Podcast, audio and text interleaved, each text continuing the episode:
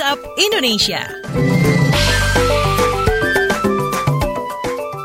Waktunya kita keliling Indonesia di WhatsApp Indonesia. Kita mulai dari Jakarta. Pemerintah akan berikan kuota subsidi kuota internet bagi siswa, guru, mahasiswa, dan dosen.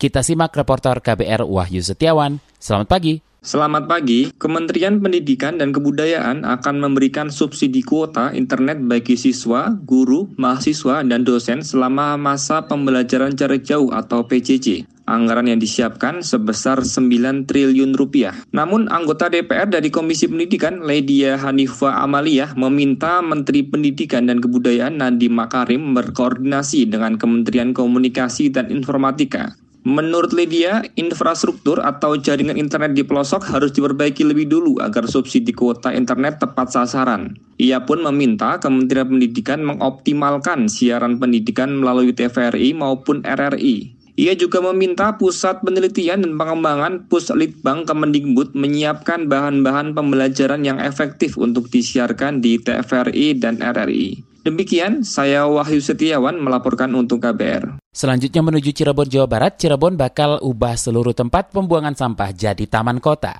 Kita simak kontributor KBR Franz Mokalu.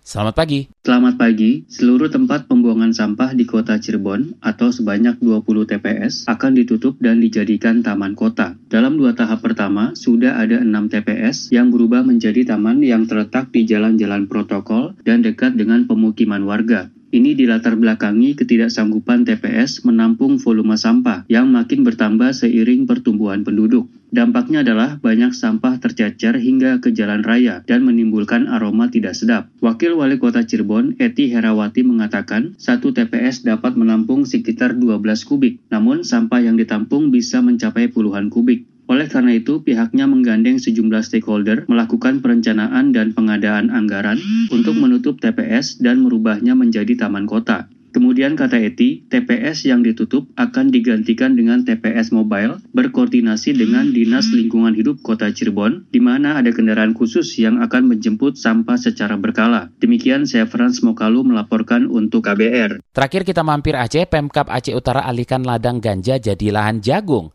Kita simak kontributor Erwin Jalaluddin. Selamat pagi. Selamat pagi. Pemerintah Kabupaten Aceh Utara berencana akan mengalihfungsikan lahan warga yang selama ini ditanami ganja menjadi lahan budidaya jagung. Lahan ganja selama ini ditemukan banyak tersebar di Kecamatan Sawang, Kabupaten Aceh Utara. Kepala Bidang Penyuluhan Dinas Pertanian Tanaman Pangan Aceh Utara, Faisal mengatakan pengalihan lahan itu untuk memutus mata rantai narkoba. Selain itu, ia menilai bahwa hasil dari budidaya jagung dan harganya cukup menguntungkan saat ini. Sebelumnya aparat kepolisian telah berkali-kali menemukan ladang ganja di Aceh Utara. Terakhir, kepolisian Lusmawe menemukan ladang ganja seluas 5 hektar di Desa Jurung. Demikian saya Erwin Jalaluddin melaporkan untuk KBR.